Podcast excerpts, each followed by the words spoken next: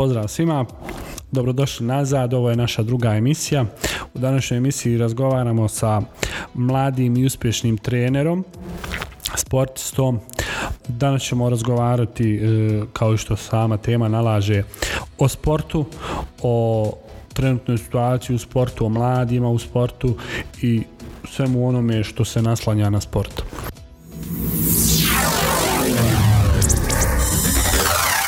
U današnjoj emisiji je e, sa nama uh, Semir Mulaosmanović. Semir, dobar dan, dobrodošao. Dobar dan, prije svega hvala vam na pozivu, pozdravu vaše slušalce i vas. Ja sam trener Semir Mulaosmanović, već, hajde kažem, od neke rane mladosti u sportu, od 5. godine je to bila samo košarka i košarka. Svoj neki košarkaški put sam počeo u košarkaškom klubu Sampi, pa nakon toga Impuls gdje sam prošao sve kategorije omladinske, od pionira, kadeta, juniora, da bi na, na kraju neki svoj igrački put završio u košarkaškom klubu Igman sa Iliđi.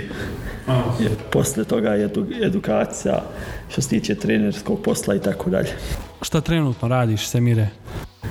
Pa trenutno sam na poziciji trenera omladinskih selekcija, to jest kadeta juniora u omladinskom košarkaškom klubu Spars Rilve. E, uzrasti, uzrastu dječaci od 2002. E, do 2005 i kako to tu ide, kakva je sad situacija u košarci, ja sam stvarno onaj nekako se isključio iz košarke od kako je uh, e, KK Bosna prvo ispala iz lige, onda promijenila, promijenila svoj naziv.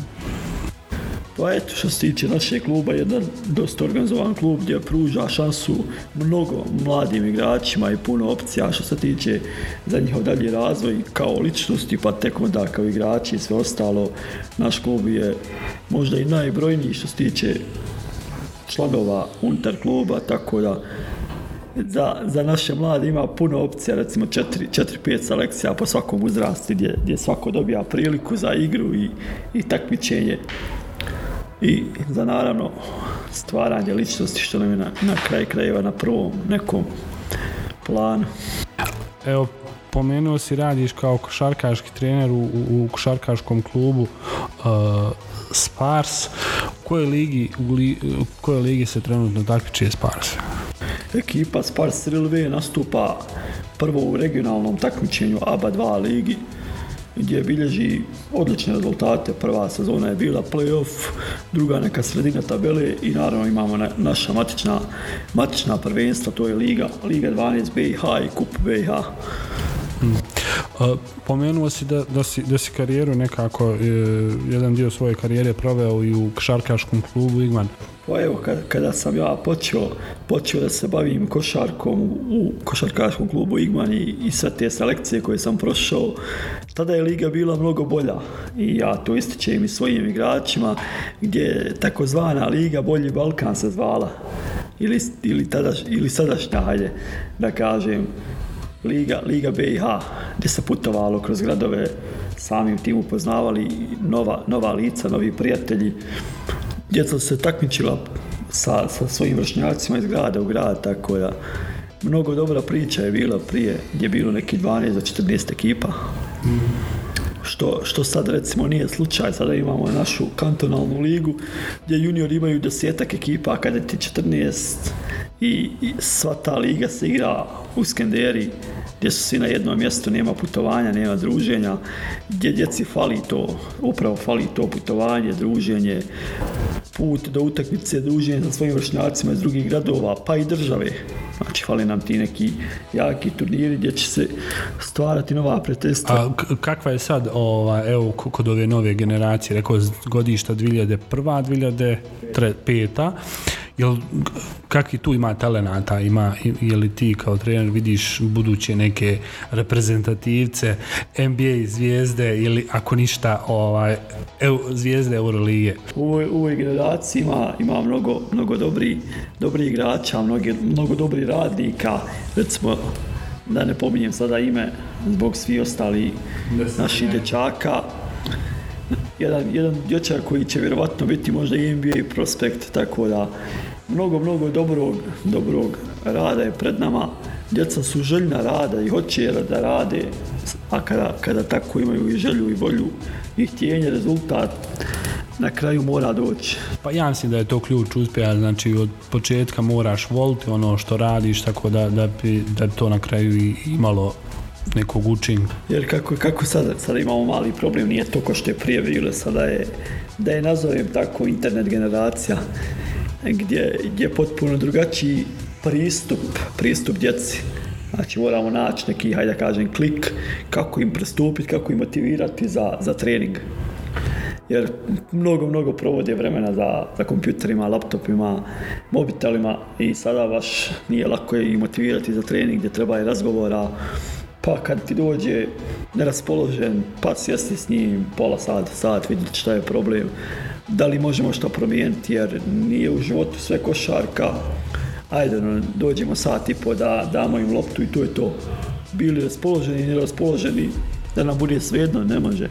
Ja to volim reći, trener nije samo trener, već psiholog, učitelj, nastavnik, drug, brat, kako god. Da bi se napravila jedna priča, mora biti povjerenje, a povjerenje ćemo steći nekim iskrenim odnosom prema djeci jer sa djecom nema foliranja i neki spletki može možda jednom, ali oni to vrlo brzo skuže, tako da čovjek mora biti iskren i prijatelj, pa da kažem tako i stariji brat, a se onda ide lako i stvara se i ta pozitivna hemija u timu kao mini podoce, a kad se stvori hemija u timu, sve je vrlo, vrlo jasno da će rezultat doći koja ja e, sam, hajde kažem, spreman za tu svoju djecu se i mogu raditi po 5, 6, 7, 8 sati koliko, koliko budu spremni u skladu sa svojim obavezama, naravno i sa školom, jer škola je isto tako jako bitna da smo uspješni na oba polja i u školi i na terenu tako da, da i stvaram kao što sam na početku rekao, kao ličnosti, da budu dobri ljudi, a tek onda sport i sve ostalo, sve ostalo se poklopi i dođe. I, ali sam spreman da, da mnogo radim i pripremam sve to za njih a znaju on to prepoznati vrati. Kao što su vratili ove godine, pa smo bili sedmi na tabeli u kadetskoj kategoriji, gdje je falio, hajde kažem, jedan mali koš da bi završili u play-offu kantonalne lige i samim tim borbu za neku državnu ligu BiH. super, evo, to je baš nekako bilo moje e, sljedeće pitanje, znači ti neki uspjesi kroz, kroz trenutni klub i sa, sa e, svojim igračima, o, ovaj, nešto što bi izdvojio, a da je vrijedno, vrijedno pažnje, evo, si, znači, to neko sedmo mjesto i, je potencijalno takmičenje za, za ligu BH. Pa bitno, bitno, bitno istaći da je to kao B ekipa, kao drugi tim naš, i to je još dobilo na težini taj rezultat gdje su, gdje su djeca stvarno puno od septembra radili, trenirali i odricali se da bi zajedno tri levela od septembra napredovali i bili bolji što i oni u nekim ličnim individualnim razgovorima i priznaju i kažu da su u nekim određenim segmentima svog razvoja puno bolji nego što su bili, što su došli i tako dalje. Što se tiče nekog još dodatnog rada, pored košarke, meni, meni je bitna stvar da se puno obrazuju, da čitaju knjige, gdje ja recimo svaki mjesec imam određenu knjigu gdje svojim igračima dajem sa, sa nekim zadacima nakon određenog vremena, da li su pročitali knjigu ili nešto, pa imamo u planu isto tako posjetu neki kulturni objekata gdje, gdje, gdje bi istraživali o muzejima našim što se tiče svega dalje. Bitno je na svakom polju da radimo, tako da. Pa da, baš što kažeš, ovaj, znači džaba ako, neko, ako je on dobar na terenu, ali ako, ako se loše ponaša van terena ili, ili nešto, onaj, sve to pada u vodu. Pogotovo onaj, znajući u kakvoj sredini živimo da e, nekako se ne može samo od sporta živjeti, barem, barem ne u ovom nekom periodu ili u ovom e, periodu njihovog života, znači ovaj, koliko to 10-15 godina, tako da onaj, mislim da, da, da, na neki način pored tog sporta što, što pominješ da je to super stvar što, što i na neki način spremaš i ne znam evo za srednju školu ili za sutra za fakultet i nešto. Pa, upravo to, znači, bitno nam, bitno nam je taj odgoj djece, da ćemo im se posvetiti, jer čudno je vrijeme gdje se svašta dešava po ulicama, svega imamo, primjeri su nam svaki dan dostupni na ulicama šta se dešava i kako se dešava i jedna velika je pobjeda ko može sloniti djeca sa ulice i dovesti samo da se, da se bave sportom, hajde, neću reći košarkom, već sportom i da uživaju u sportskim manifestacijama i takmičenjima, tu je sva pobjeda, ne mora biti košarka, može biti futbal, rukomet, odbojka, ima more, more i sportova i slobodne aktivnosti gdje će samo biti od ulice daleko. Pa evo jedan od, od razloga zašto smo i pokrenuli ovaj podcast, je, podcast jeste da, da ovaj, razgovaramo s ljudima koji na neki način trebaju mladim, mladim ljudima, mladim osobama da evo u ovom slučaju prezentiraju sport, košarku, općenito zdrav način života, e, ne znam, u nekoj narednoj emisiji ja ćemo razgovarati o ekonomiji, o zapošljavanju, o, evo, u prošloj emisiji smo pričali o programiranju, more ti neke stvari upravo čisto da, da, bi, da bi mladima na neki način tu neku perspektivu, e, tu lepezu, mogućnosti ovaj, pondlu da bi, da ih na neki način upoznali ovaj, i ne samo da, da, nam, da nam gostuju ljudi da pričamo s ljudima koji trebaju nešto da kažu mladima upravo je obrnuto, znači ugošćavat ćemo, nastojat ćemo da ugostimo mlade ljude oko što sti koji imaju nešto da kažu i koji mogu nešto da doprinesu ovoj svoj zajednici koje žive. Pa prije svega vratit se još malo na, neki, na neko ponašanje na terenu i sve što se tiče terena, pored uspjeha možemo biti i vrhunski, možemo napredovati, možemo stvarati tijelo da bude što se tiče savršeno, ali ako nemamo neko ponašanje koje je u skladu nekog profesionalca, hajde kažem, koji se bavi košarkom, koji želi da bude uspješan pa jedan gest ružan koji može neko da primijeti, gdje te odmah ostavi trag i možda nećeš postići neki svoj maksim koji bi postigao upravo zbog tog gesta gdje, nije trebalo da uradiš to. Meni je kroz čitavu sezonu bitno kako se igrači ponašaju, pa ajde kažem neka sam nezadovoljan kad pobjedimo jer je bilo nešto što, što nije trebalo da bude pa ispravimo to vrlo brzo popravimo i desi se puno bolji suprotni efekt nakon naših razgovora i puno bude ljepša i priča i sve atmosfera u timu mora da bude savršena recimo ako vam samo jedan igrač uđe nek leđima u slačioncu da se ne okrene prema igračima to je loše znači dovoljno da vam poremeti hemiju u timu i sve ostalo takav vam ne treba i tak, takvi igrača se rješavate a kada je kolega spreman da, da, da ispravi grešku svog drugog kolege, tada se pali mašina i tada nastaje nešto što samo šampioni znaju kako je to, a siguran sam da su to moji momci u svakom smislu. Evo, iz utakmice u utakmice pokazuju da, da je to tako. Pa nekad i ako se izgubi, nije to smak svijeta, ako se izgubi, na, na, na nama je da učimo i da vježbamo dalje. Pa naravno što kažeš, ona, na, na greškama se uči i ovaj, i na njima se, na njima se unapređuje i popravlja da, da, bi se, da bismo sutra bili i bolji ljudi, i bolji sportisti i općenito bolji u onome što radimo. Pa prije svega bitno, bitno je da radimo. Jedini projekat koji možemo da, da, da radimo i savršavamo je naše tijelo i tu uvijek ima posla i nikad ne smijemo odustati od napretka. Ono kažu možda trčiš, da ideš naprijed, možda ležiš, puži, puži, ali samo se kreći naprijed, hodaj, kreći se naprijed, ne osvrći se nazad, šta je bilo, bilo je, krećeš naprijed i ideš naprijed kako bi dostigao svoj cilj. Rezultat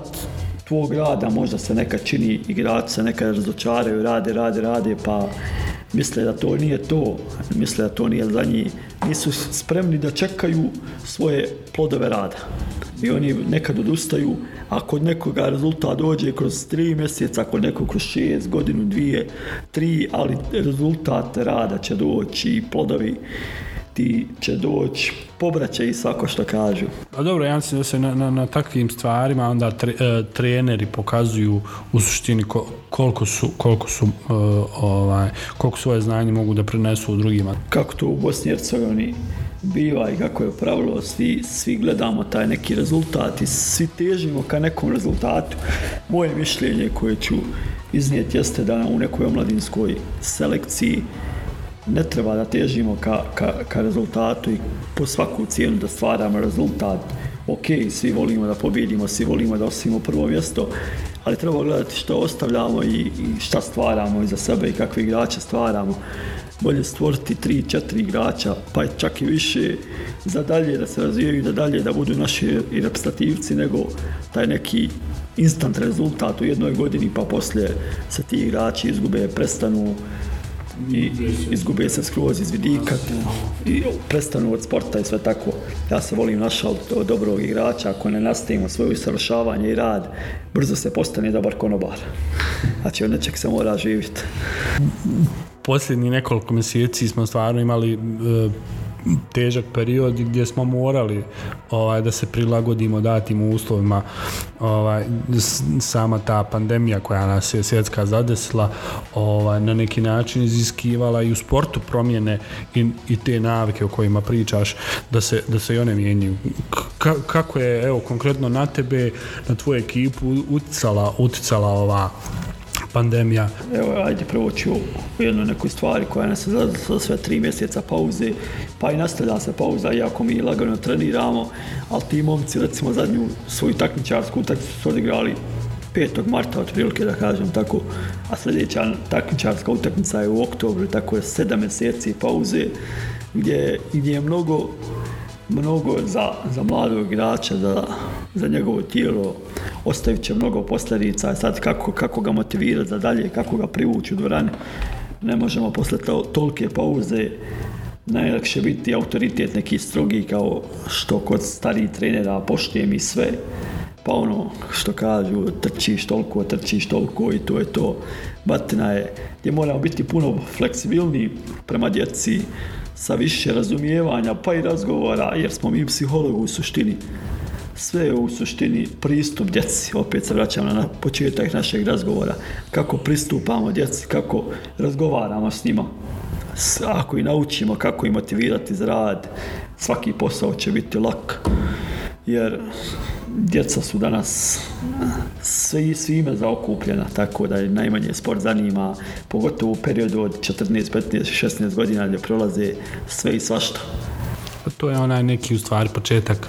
pravi pubertet što, što, što bi se reklo i, i ja mislim da su tu pravi što kažeš izazovi i kako se ti nalaziš u, u, tim u tom polju kako, kako se onaj nosiš s tim izazovima pa eto, ono što se tiče, razgovaram sa svojim igračima u svakoj prilici i posle treninga znamo ostati sad, do sat i pol vremena gdje razgovaramo o svemu, gdje o svim problemima pričamo individualno i mimo tima, tako da o svakome svom igraču znam sve i koji problem ima, gdje ostaje samo između nas i dosta, dosta dobro rješavamo te probleme gdje oni dolaze i sretni i veseli na trening. Sve, sve stvari nekog pristupa prema djece, recimo od septembra pa, pa do danas imam, imam u svojim selekcijama od 40 do 45 igrača. Jedna moja pobjeda u suštini da su oni u dvorani, a sve ostalo će naučiti i usavršiti svoje pokrete i sve ostalo što treba. Evo, nis mi na neki način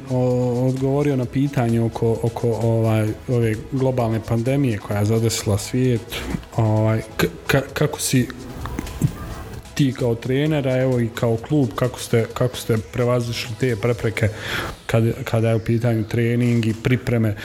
igrača u ovom periodu? Klub je već odmah po, po nekom proglašenju pandemije i izolacije pokrenuo jednu online platformu Zoom gdje smo radili online treninge, online razgovore, gdje smo, hajde kažem, svaku večer imali u određenom terminu jedan taj online trening. Da li je bio kroz neke vježbice ili je samo bio razgovor to smo odredili po samom sastavu njih, da li su umaraju, pošto je bila pauza i sve. I prilagodili smo neki plan i program šta treba da rade, kako treba da rade.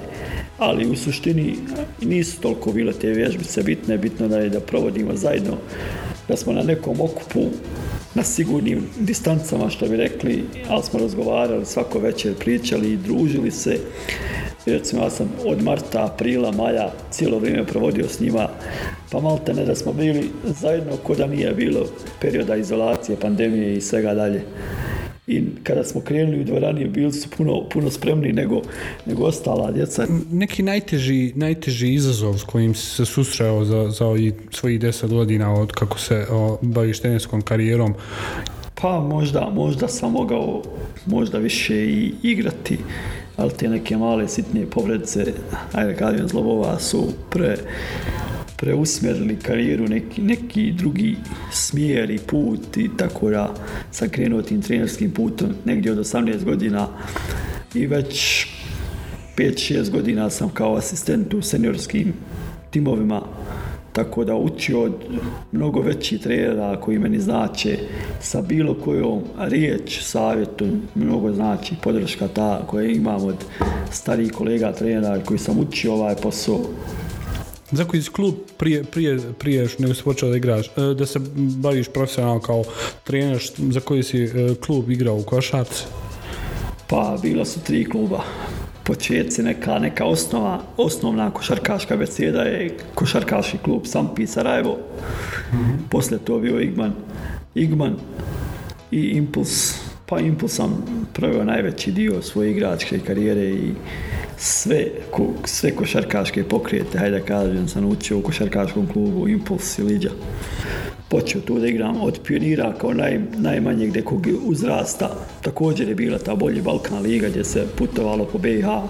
gdje smo dobijali mnogo iskustva. Nije isto igrati u Skanderiji i samo sa, sa hajde kažem, sarajevskom djecom, sarajevskim klubovima i otići i u Banja Luku, i u Mostar, i u Široki, i u Čapljinu, i Srebrenik, tako sve redom. Gdje, imam i puno i prijatelja i trenera i svojih nekih igrača po BiH, po Hrvatskoj, Srbiji, Sloveniji. Košarka je sport koji spaja, i inače sport je jedan ambasador koji spaja ljude bilo, na bilo kojim stranama svijeta. Pa da, ono što kažeš, kroz, kroz, kroz to svoje bavljenje košarkom, igranje košarkom, znači proptovao si cijelu BiH, cijeli Balkan, upoznao, upoznao i gradove i, i, i dude i tako da ja si da, da ako ništa to je jedan od razloga zašto bi, zašto bi mladi e, i djeca, a i mladi trebali da, da se bave prvenstveno sportom, pa evo košarkom ovaj, kao njihovim primarnim sportom. Bitno je da, se, da djeca uživaju u bilo kojem sportu. Ako ne uživa u sportu, onda nije to pojenta bavljenja sportom, treba djecu pustiti. Jedan, jedan mali savjet i roditeljima da, da puste svoju djecu, da odluče koji je to sport za njih. Ranije si pomenuo da si, da ovaj, tu neko obrazovanje oko trenera, e, licen, licencirani si trener za? Ne još, ali u planu je certifikacija u Zagrebu za fitness kondicionalnog trenera gdje će to vjerovatno da bude u septembru, da preuzmem taj certifikat koji je američki priznat, američki certifikat za kondiciju i fitness. Znači, od ti nekih planova u budućnosti, pored certifikacije za, za fitness trenera, št, koji su ti još, još planovi, šta, šta, šta planiraš za budućnost? Pa ja, kroz cijeli svoj neki trenerski put, a već, već traje deset godina, provodim kroz edukaciju, kroz razne seminare, nije mi strano ni otići ni do Beograda, Crne Gore i sve dalje,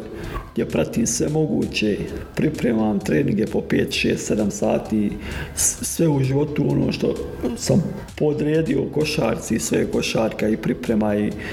generalno svaki trening traje 5-6 sati pripreme da bi šta bi u tom trenutku radio